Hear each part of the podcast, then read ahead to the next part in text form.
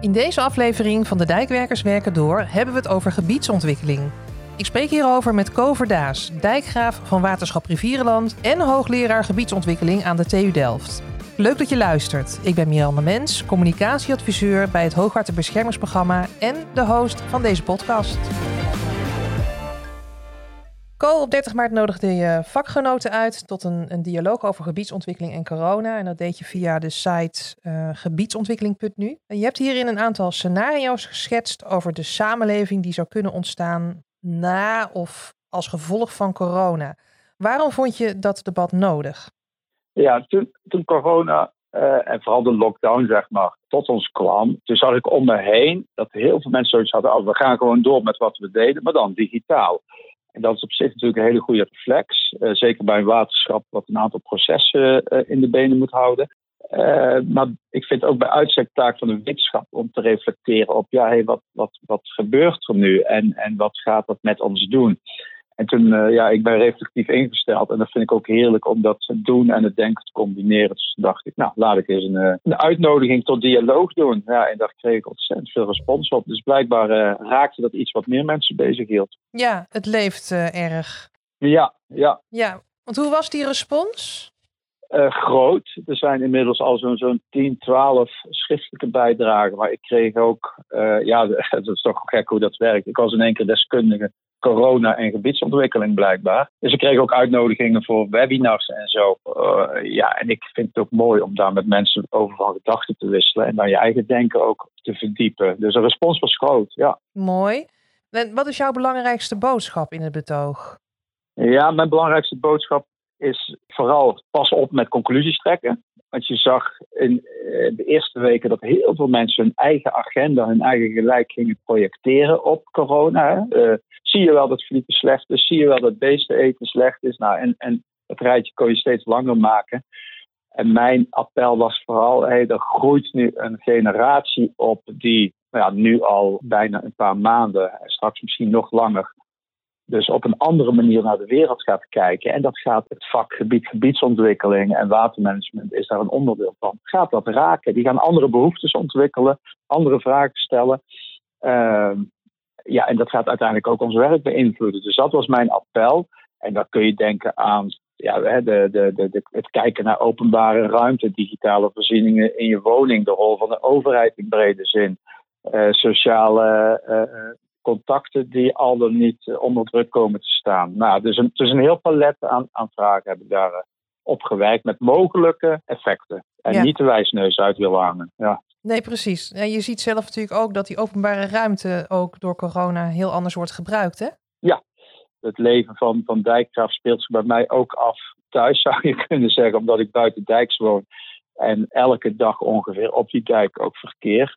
En wat mij opviel, is dat die dijken ook ja, een soort, soort nieuwe ontmoetingsplek zijn geworden. Niet dat mensen daar nou oploopjes creëren, maar het was in mijn beleving drukker dan ooit.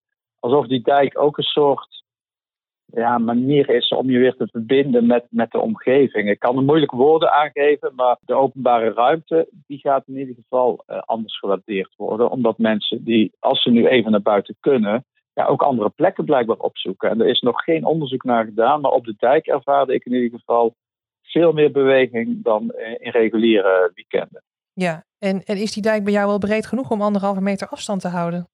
Uh, het kan, maar dan moet je elkaar ook echt gericht uh, ontwijken en bijna de berm in. Ja. En, en je ziet daar ook ja, dat het soms bijna onmogelijk is, omdat er mensen wandelen, uh, joggen, hardlopen, recreatief fietsen, racefietsen, af en toe nog een auto. Uh, en dan met toenemende drukte, dan word je soms bijna gedwongen om ofwel de dijk af te rollen, maar dat doen de meeste mensen toch niet, of toch dichter bij elkaar te komen. Dus ik denk, ja, dat is een gedachte die ik dan heb van ja, misschien gaat het ook wel ons denken over de inrichting van de dijk beïnvloeden. Ja. Als die dijk blijkbaar zo'n zo'n ja, trekker is voor mensen. Precies. Ja, misschien brengt corona dan ook wel een gesprek op gang van hoe kunnen we die groene ruimte in onze woonomgeving uh, ja, toch beter laten aansluiten op uh, de behoeftes die we nu hebben. Ja, ik denk dat op het moment dat een generatie zeg maar, de ervaring heeft wat het betekent om bij wijze van spreken maar een paar uur per dag naar buiten te kunnen, of afhankelijk van ook hoe je er zelf mee omgaat, soms maar een paar uur per week, dat dan de, de, de manier waarop je woont, je, je tuin, de openbare ruimte, het verlengde daarvan en hoe je daar kunt bewegen, wat je daarin in vindt, uh, ja, dat, dat, dat, dat zal anders zijn dan tot nu toe. Het was toch vaak een soort restruimte. Het moest netjes worden ingericht, gericht op ontmoeten. En nu is het denk ik veel meer gericht op uh, daar, ja, ook in de openbare ruimte nog, nog je eigen uh, ruimte kunnen koesteren. Ja, en, en we hebben altijd naar de groene ruimte als een soort restruimte gekeken. Althans, zo ben ik opgeleid en, en velen met mij. dus dan moest wel netjes gestoffeerd worden, als het ware. En ik chargeer nu enigszins hoor. Maar ik denk dat corona wel een andere blik, een ander perspectief gaat bieden op, op de groene omgeving. Ja, met daarin ook wel een eigen rol voor de dijk. Hè? Want in, in ons voorgesprek omschreef je dat zo mooi. Als uh, dijken bieden uh, onbewust, maar misschien ook wel bewust troost voor mensen. Ja, nou, dat, dat is goed dat je dat nu even aanraakt. Ik, ik probeer dan ook altijd te gronden. Wat maakt nu dat mensen die dijken opzoeken? Althans, dat is mijn waarneming. Hè? En ik denk dat dijken ook wel uh, ergens uitstralen. Iets van robuust, stevig, maar door mensenhanden neergelegd. En, en misschien op een bijna instinctieve manier mensen het gevoel geven van hey, dit is er ook nog. En wij hebben dit land zelf gemaakt. En als het ware een soort fundament van vertrouwen ook is. Van, nou, nou dat zal het wel goed komen. Dus ik, ik heb inderdaad gezegd, ja, misschien is het ook soort buikgevoel wat mensen naar dat soort plekken leidt. Om te ervaren van, oh ja, maar wij, we kunnen wel wat met elkaar. Hè. Dat kan het niet bewijzen. Uh, misschien dat een psycholoog onderzoek naar moet gaan doen. Uh, maar dat zijn wel de beelden die zich bij mij dan opdringen. Ja, die dijken zijn meer dan alleen iets om het water tegen te houden. Daar zit ook een cultuur, een beleving achter, die volgens mij heel veel vertrouwen geeft aan mensen. Ja. Iets heel fundamenteels eigenlijk uh, voor de Nederlander. Ja. Hey Ko, je gaat in je betoog um, ook in op financiën en dat omschreef je als volgt. Ik lees het even op hoor. Hoe het ook uitpakt, meer dan ooit zal duidelijk worden dat het zaak is opgaven zoveel mogelijk in samenhang te bezien private en publieke investeringen te bundelen en te werken vanuit een samenhangend perspectief. We kunnen het ons eenvoudigweg niet langer permitteren om de beschikbare middelen versnipperd in te zetten. Dat is de positieve kant van de nieuwe schaarste. Ja. Zou je dit nader kunnen toelichten, wat we hiervan de komende jaren kunnen verwachten? Ja, eh, dat is een beweging die al in gang was gezet. Maar we hadden eh, natuurlijk een economische hoogconjunctuur weer voor corona. Uh, waarbij we ook, dat zag je ook, het kabinet voor heel veel vraagstukken gewoon grof geld vrij maakte voor de stikstof, voor de PFAS, voor de woningmarkt, mobiliteit, nou, noem het hele rijtje maar op. prachtig. Ja, we gaan nu waarschijnlijk toch wel een redelijk conjunctureel dal in, waarvan niemand nog weet hoe diep het is en hoe lang het zal duren. Dus middelen zullen schaarser worden. En er zat al een beweging, maar die was meer inhoudelijk gemotiveerd. Uh, zat er al van, ja, maar als we en dijken blijven aanleggen en blijven investeren in klimaatadaptatie en in woningen en in recreatiegebieden en in water vasthouden, et cetera. Ja, en ieder doet dat vanuit zijn eigen koker met zijn eigen potje. Ja, dan krijg je niet de beste uh, inrichting van, van een regio of van een land. En die schaarste is in die zin onbedoeld, misschien heeft die positief effect. Ja, dat we toch veel meer lokale, nationaal en ook publiek-privaat de, de hutje-mutje, zeg maar, uh, de centen bijeen gaan leggen. En vanuit een integraal ontwerp onze investeringen gaan doen. En dat zou wel eens winst kunnen zijn van uh, een laagconjunctuur. En dat is natuurlijk een gekke boodschap, hè, want ja, wie wil er nu een laagconjunctuur? Maar als dat dan toch een gegeven is, dan heeft het misschien ook een positieve keerzijde dat we nog meer de samenhang als uh, uitgangspunt nemen. Ja, want die samenhang en die, die integralere manier van werken leidt tot iets beters. Uh, we moeten eigenlijk van de spreekwoordelijke nood een soort van deugd maken. Is dat wat je zegt? Ja, plus dat we ook uh, in Nederland een gegeven hoeveelheid ruimte hebben. En als je dan weet dat er nog zo'n miljoen woningen bij moeten de komende 10, 15 jaar. Uh, en dat we ook bezig zijn met uh, nou, het kader van klimaatadaptatie meer blauwe zones, zeg maar, of vernatting te organiseren. En we hebben ook nog nieuwe infrastructuur nodig. En je wil dan ook nog een ontspannender leefomgeving, uh, ook nog gevoed door de coronacrisis. Ja, dan, dan, dan zul je in je ruimte meer samenhangende keuzes moeten maken. Dan kun je niet volstaan met zeggen, nou hier doen we woningen, daar doen we natuur, daar houden we water vast. Daar zal er veel meer vanuit het gezamenlijk ontwerp naar gekeken moeten worden. En dat kunnen we ook hoor, daar zijn we hartstikke goed in in Nederland. Maar in tijden van luxe zie je een gek soort paradox ontstaan. Ja, dat, dat, dat ieder belang krijgt aan zijn eigen geld en gaat ook zelf aan de slag. Nou, en dit kan wel eens leiden tot nou, de zaken weer meer op elkaar betrekken. Ja, ja. Je schrijft ook dat, dat daadkracht en creativiteit belangrijk zijn hè, voor de komende tijd. Ja, bij uitstek. En dat hoop ik ook als een positief effect van zo'n. Ja, het is ook een soort reset, zo'n corona. Hè. Iedereen moeten we even in een nieuwe werkelijkheid zich verhouden tot tot zijn eigen sociale omgeving, zijn gezin, maar ook tot zijn werk. Hoe deel je je dag in?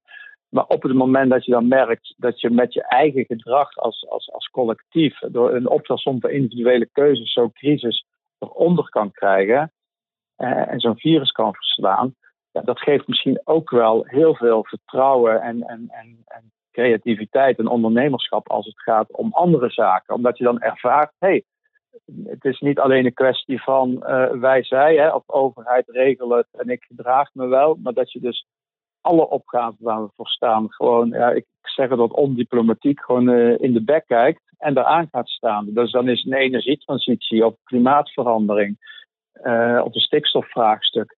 Ja, dat is dan misschien ook oplosbaar als je de handen ineens slaat. En dat kan wel eens ook een dat is ook wel een beetje een projectie van wat ik hoop hoor, en hoe ik als mens in elkaar zet, zit. Maar ja, je ziet nu ook heel veel nieuwe vormen van ondernemerschap ontstaan, die misschien ook ons helpen om andere opgaven aan te pakken. Ja, kan je daar een voorbeeld van geven? Uh, ja, meerdere. Uh, vrienden van mij die hebben een, uh, een restaurant nou ja, er hoeft geen nadere toelichting dat dat uh, balen is in deze tijd.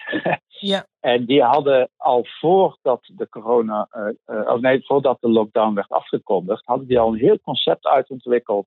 Vestigers thuis noemen ze dat. En dat, dat maakt nog niet het hele, het hele omzetverlies goed hoor, begrijp me niet verkeerd. Maar er is zoveel vraag naar dat ze het niet aan kunnen.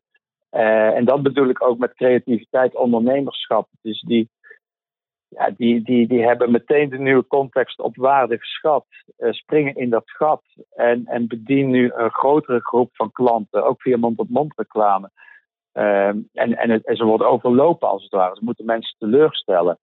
Uh, nou, dus dat vind ik een heel mooi voorbeeld van nieuw ondernemerschap. Maar ik ken ook uh, mensen, en daar zal ik de naam niet van noemen, vind ik chic, met ook een horecazaak.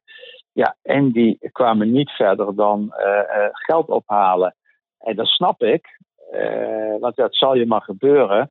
Maar zo zie je wel dat zo'n crisis ook weer het beste in mensen losmaakt. En dat er ook weer nieuwe vormen van economie gaan ontstaan. Ja, ja. Uh, dus ja, dat geeft mij ook wel weer hoop voor wat we met elkaar aan kunnen. Ja, dat geeft vertrouwen inderdaad. Ja. Ico, ik zou graag even een brugje willen maken naar jouw rol als dijkgraaf hè, van Waterschap Rivierenland.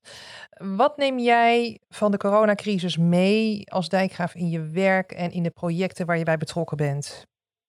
Ja, allereerst uh, dat wij een hele professionele organisatie hebben. En ik denk dat ik dan niet alleen over mijn eigen waterschap uh, spreek, maar de waterwereld breed. breed. Uh, wij werken ook aan een aantal vitale uh, processen die je samenleving draaiende houden. Denk aan de zuivering. Ja, als je ziet hoe mensen uh, professioneel uh, betrokken dat gewoon garanderen als het ware. Ja, maar dit gaat goed komen. dat geeft heel veel vertrouwen. maar ook de besluitvorming. Nou ja, dat we dus heel creatief zijn en heel snel kunnen schakelen. Nou, dat, dat, dat zijn allemaal mooie zaken. Als het gaat om ja, de wat bredere vraagstukken vanuit gebiedsontwikkeling. Uh, dan hadden we net voor de corona-uitbraak hadden we onze watervisie in concept uh, gereed. Nou, daar staan ook een aantal doorkijkjes in als het gaat om circulariteit, klimaatadaptatie, maar ook de rol van dijken in de toekomst. Nou, dat kan misschien nog wat explicieter, maar ik denk dat corona ook onze, ons, onze eigen blik op de wereld en, en de rol van water en de dijken en de openbare ruimte in het verbinden met andere opgaven, ja, dat dan, ja, ik durf het bijna niet te zeggen, maar dat onze watervisie nu alweer aangescherpt zou kunnen worden, terwijl de inkt nog maar net droog is. En dat is ook omdat corona je dwingt tot ja, weer een nieuwe blik op de wereld. Dus dat vind ik, ja, uh, ik ben daar uh, niet te matig dingen in hoor. Maar, want heel veel mensen baalden van als dingen weer anders moeten dan we een jaar terug hadden bedacht. Ik vind het ook wel fascinerend dat je steeds weer nou, op nieuwe inzichten en, en nieuwe omstandigheden moet acteren, ook als waterschap. Ja, en welke nieuwe inzichten hebben jullie nu gekregen, mede door corona hoor, maar ook door ontwikkelingen die natuurlijk al plaatsvonden in de maatschappij, in hoe je die dijken de komende jaren gaat benutten? Ja, dat is nog te pril om er hele stevige uitspraken over te doen. Maar we hadden bijvoorbeeld, of, of we hebben, moet ik zeggen, het project Gastvrije Waaldijk met gemeenten, provincies uh, en het waterschap. Om rondom alle uh, dijken langs de, uh, ja, de naam zegt het, hè, de Waal. daar toch proberen zo eenduidig mogelijk gastvrij een profiel in te richten en herkenbaar. En ik kan me voorstellen dat de ervaring, zoals ik hem ook heb, dat die dijk ook een, een plek is om, om te verpozen, zeg maar, om je gedachten te laten gaan, om te bewegen, dat die dijk dan in één keer veel meer wordt dan alleen iets wat het water tegenhoudt. En er ook andere perspectieven op de dijken van de toekomst gaan ontstaan. En daar staan we nog maar net aan het begin. En uiteindelijk is het ook aan de Hemelraad en het AB. Ik, ik meld het toch even netjes bij. Als dijkgraaf heb je formeel ben je niet in charge. Maar dat zijn wel ideeën die, die denk ik ons werk ook gaan raken. Ook als het gaat om de dijk van de toekomst. Ja. Mm -hmm, Dus wat je eigenlijk zegt is van we moeten vrijer kijken hè, naar die dijk. Die dijk is meer dan alleen een waterkerend element. Dat doet mij een beetje denken aan de multifunctionele dijk. Uh, of de klimaatdijk werd dat ook wel eens ooit genoemd. Volgens mij hadden we het daar tien jaar geleden in de sector ook al over. Hè? Waarom duurt het zo lang voordat zo'n concept echt aanslaat en ook vorm gaat krijgen? Ja, dat zijn, eh, hoe lang heb je zou ik bijna willen zeggen. Kijk, we zijn gewoon heel goed in ons land goed beschermen tegen het water. En dat hebben we hartstikke goed ingeregeld. En om dan te zeggen van, nou, weet je, we hebben nog eens goed nagedacht. Die dijken kunnen we misschien ook op een andere manier gaan benutten, ja, dan verstoor je ook een heel goed draaiende machine. Uh, die gewoon hartstikke goed zijn werk doet. Hè. Dus dat is denk ik wel een, een goede positieve basis om, om van daaruit te vertrekken. We doen dat hartstikke goed. En dat die inzichten, dat heeft dus ook te maken met culturen en routines van werken. En soms heb je dus een crisis nodig. En dat zijn uh, ja, uh, zeg maar algemene wereldwijde wetenschappelijke inzichten ook. Je hebt soms een extreme gebeurtenis nodig om weer anders naar je omgeving te gaan kijken. En corona is misschien wel ja, een versneller. Als, hè, wat je zegt, tien jaar terug hadden we dat gesprek ook al. Nou ja, uh, laat corona dan maar de trigger zijn die dat gesprek uh, verbreedt en, en de, de inzichten ook verdiept en misschien ook versnelt. En je ziet toch ook al, los van corona, hè, Klimaatdijk, in Kampen, maar denk ook aan het waterfront bij Nijmegen. Je ziet zo her en der natuurlijk al wel andere manieren van omgaan met uh, veiligheidsprojecten, waarbij een veel bredere gebiedsontwikkeling uitgangspunt is en veiligheid niet ter discussie staat. Alleen dat zijn uh, ook vaak projecten, uh, nog enkele voorbeelden die uit heel veel weerstand en gedoe zijn ontstaan. Maar misschien kunnen we er ook van leren. Ja, maar dat zijn juist hele positieve voorbeelden. Laten we op een andere manier naar die opgave gaan kijken. Maar dat, ja, weet je, we mm. hebben het ook over projecten die wettelijk geborgd zijn met hun eigen budget, hun eigen normering. Ja, en die machine moet ook vooral blijven draaien. Maar daarnaast kun je een ander gesprek ook organiseren. En, en... Maar wat jij zegt, Co, is van die, die wereld van, van water en van gebiedsontwikkeling zijn eigenlijk nog steeds twee aparte werelden. Ja. Uh, en apart in die zin dat als je naar nationaal omgevingsvisie kijkt, ik weet nog in ons voorgesprek, eh, toen ik zei Novi, moest ik dat toch even uitleggen. Dat is zeg maar de visie van het Rijk op de inrichting van heel Nederland. En we hebben het Delta-programma. Nou, ik weet dat de Delta-commissaris ook uh, erg behept is, Peter Glas, met kijken hoe je die werelden meer op elkaar kan betrekken. maar ze zijn nog ja, vanuit twee verschillende ministeries met verschillende middelen, verschillende wettelijke kaders en financiële kaders gericht op, op, op hetzelfde stukje Nederland. En ik zou het wel mooi vinden als we toch daar wat meer de verbinding kunnen gaan leggen. En ja, niet om alles aan corona op te hangen, want die processen liepen al. Corona zou wel eens de versneller kunnen zijn, waardoor dat gesprek nog beter op gang komt. Ja, ja. Je bent nu ongeveer een jaar, denk ik, als dijkgraaf uh, actief en ook in de waterwereld uh, werkzaam. Wat heeft jou het meest verrast toen je begon bij het waterschap? Ja, dat zijn vooral hele positieve verrassingen. Dat, uh, ik vind het heerlijk om bij een organisatie te werken die gewoon ogen en oren uh, in het veld heeft, zou ik willen zeggen. En die met dagdagelijks beheer en onderhoud gewoon fantastisch, excellent zijn ingeregeld. Zo'n zo'n dijkenprogramma, uh, dus echt gericht op, op uitvoering, op resultaat. En het is een hele nuchtere wereld. Hè. Er zit weinig franje aan. Uh, dus dat zijn allemaal positieve verrassingen. En, en om je voor te zijn, de keerzijde is dat we dan misschien soms ook wel eens te weinig zelfbewust even erboven gaan hangen. Van hé, hey, maar wat zouden we de wereld nog meer te kunnen, uh, kunnen bieden, zeg maar, als het gaat om uitvoeringskracht en, en uitvoering geven aan, aan andere opgaven die samenhangen met dat watersysteem. En je ziet dat die gebiedsontwikkelingswereld, bouwen, wonen, maar ook klimaatadaptatie, droogtevraagstukken, dat, dat die steeds meer elkaar treffen. Uh, de klassieke waterwereld en, de ruimtelijke ordeningswereld. En ik denk dat wij de ruimtelijke ordeningswereld iets te bieden hebben. Wel rolvast, zeg ik altijd bij. Hè. We moeten het niet gaan overnemen. We zijn en blijven functionele overheid. Maar afwachten tot de rest van de wereld besloten heeft wat wij moeten doen, dat is volgens mij geen optie meer. Dus we zullen daar wat, wat zelfbewuster, wat actiever als waterschap ons ook te moeten verhouden en vroegtijdig aan de goede tafel zitten in Den Haag en in de regio. En dat, daar zijn we ook mee bezig, maar daar kunnen we nog uh, een paar stapjes uh, extra zetten. Extra inzetten. Ja. Oké, nou, ik wens je daarmee uh, heel veel succes, Co, en dank voor het gesprek. hartelijk dank voor deze gelegenheid en succes met het werk in deze tijd.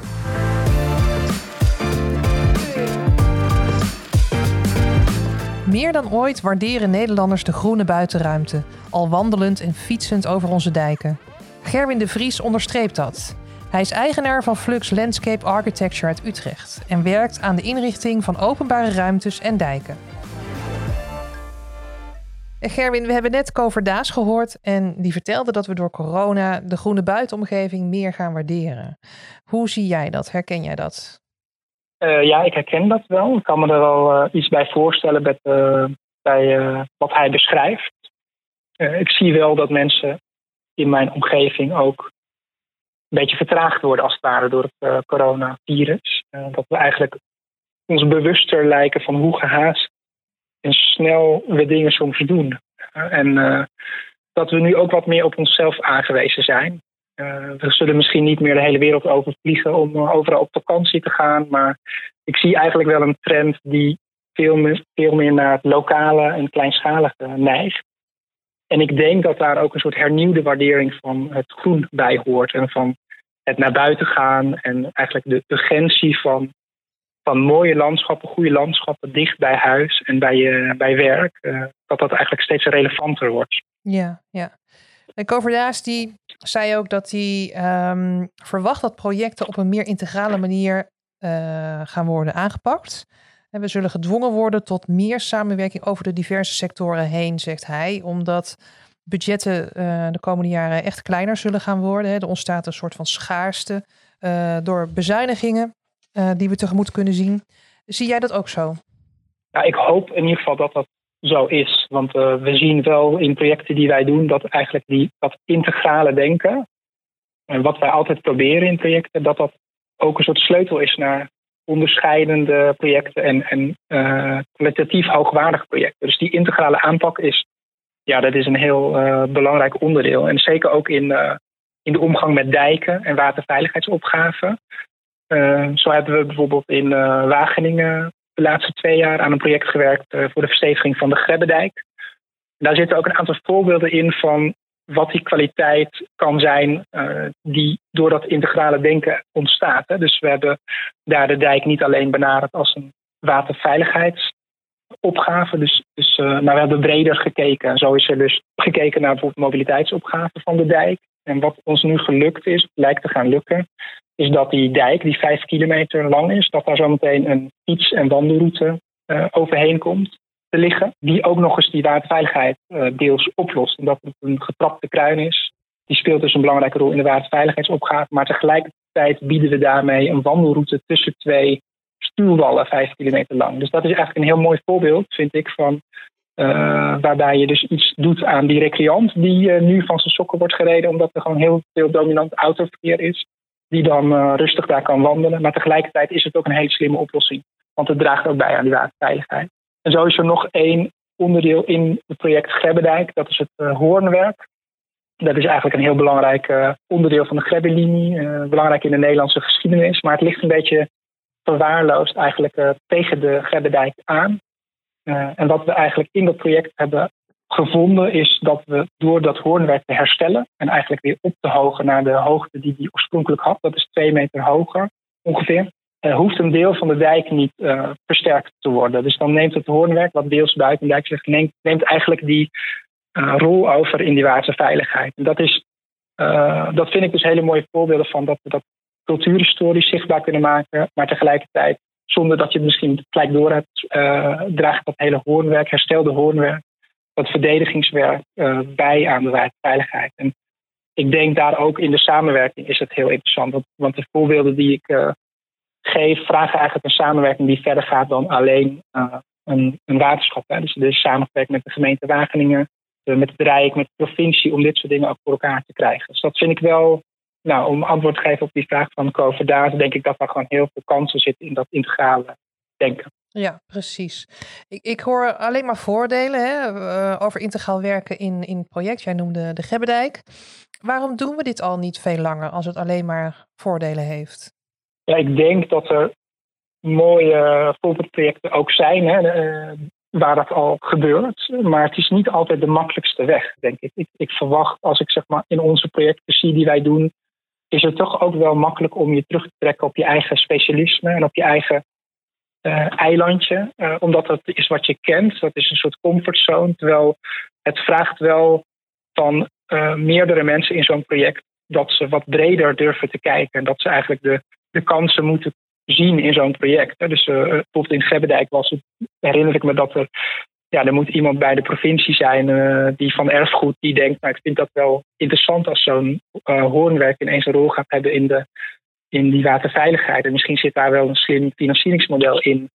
Uh, of een verkeerskundige van Wageningen die denkt, ja, ik kan op een slimme manier meeliften op zo'n dijkproject. Doordat ik ook mijn mobiliteitsopgave voor wandelaars en fietsers in het buitengebied deels hierin kwijt kan. Dus er zitten een aantal mensen, bij Grebbendijk, waar ik dan, ja, waar ik zie, die, die hebben eigenlijk met een blik gekeken van waar zit vooral die combinatie in en, en, waar liggen de, de kansen.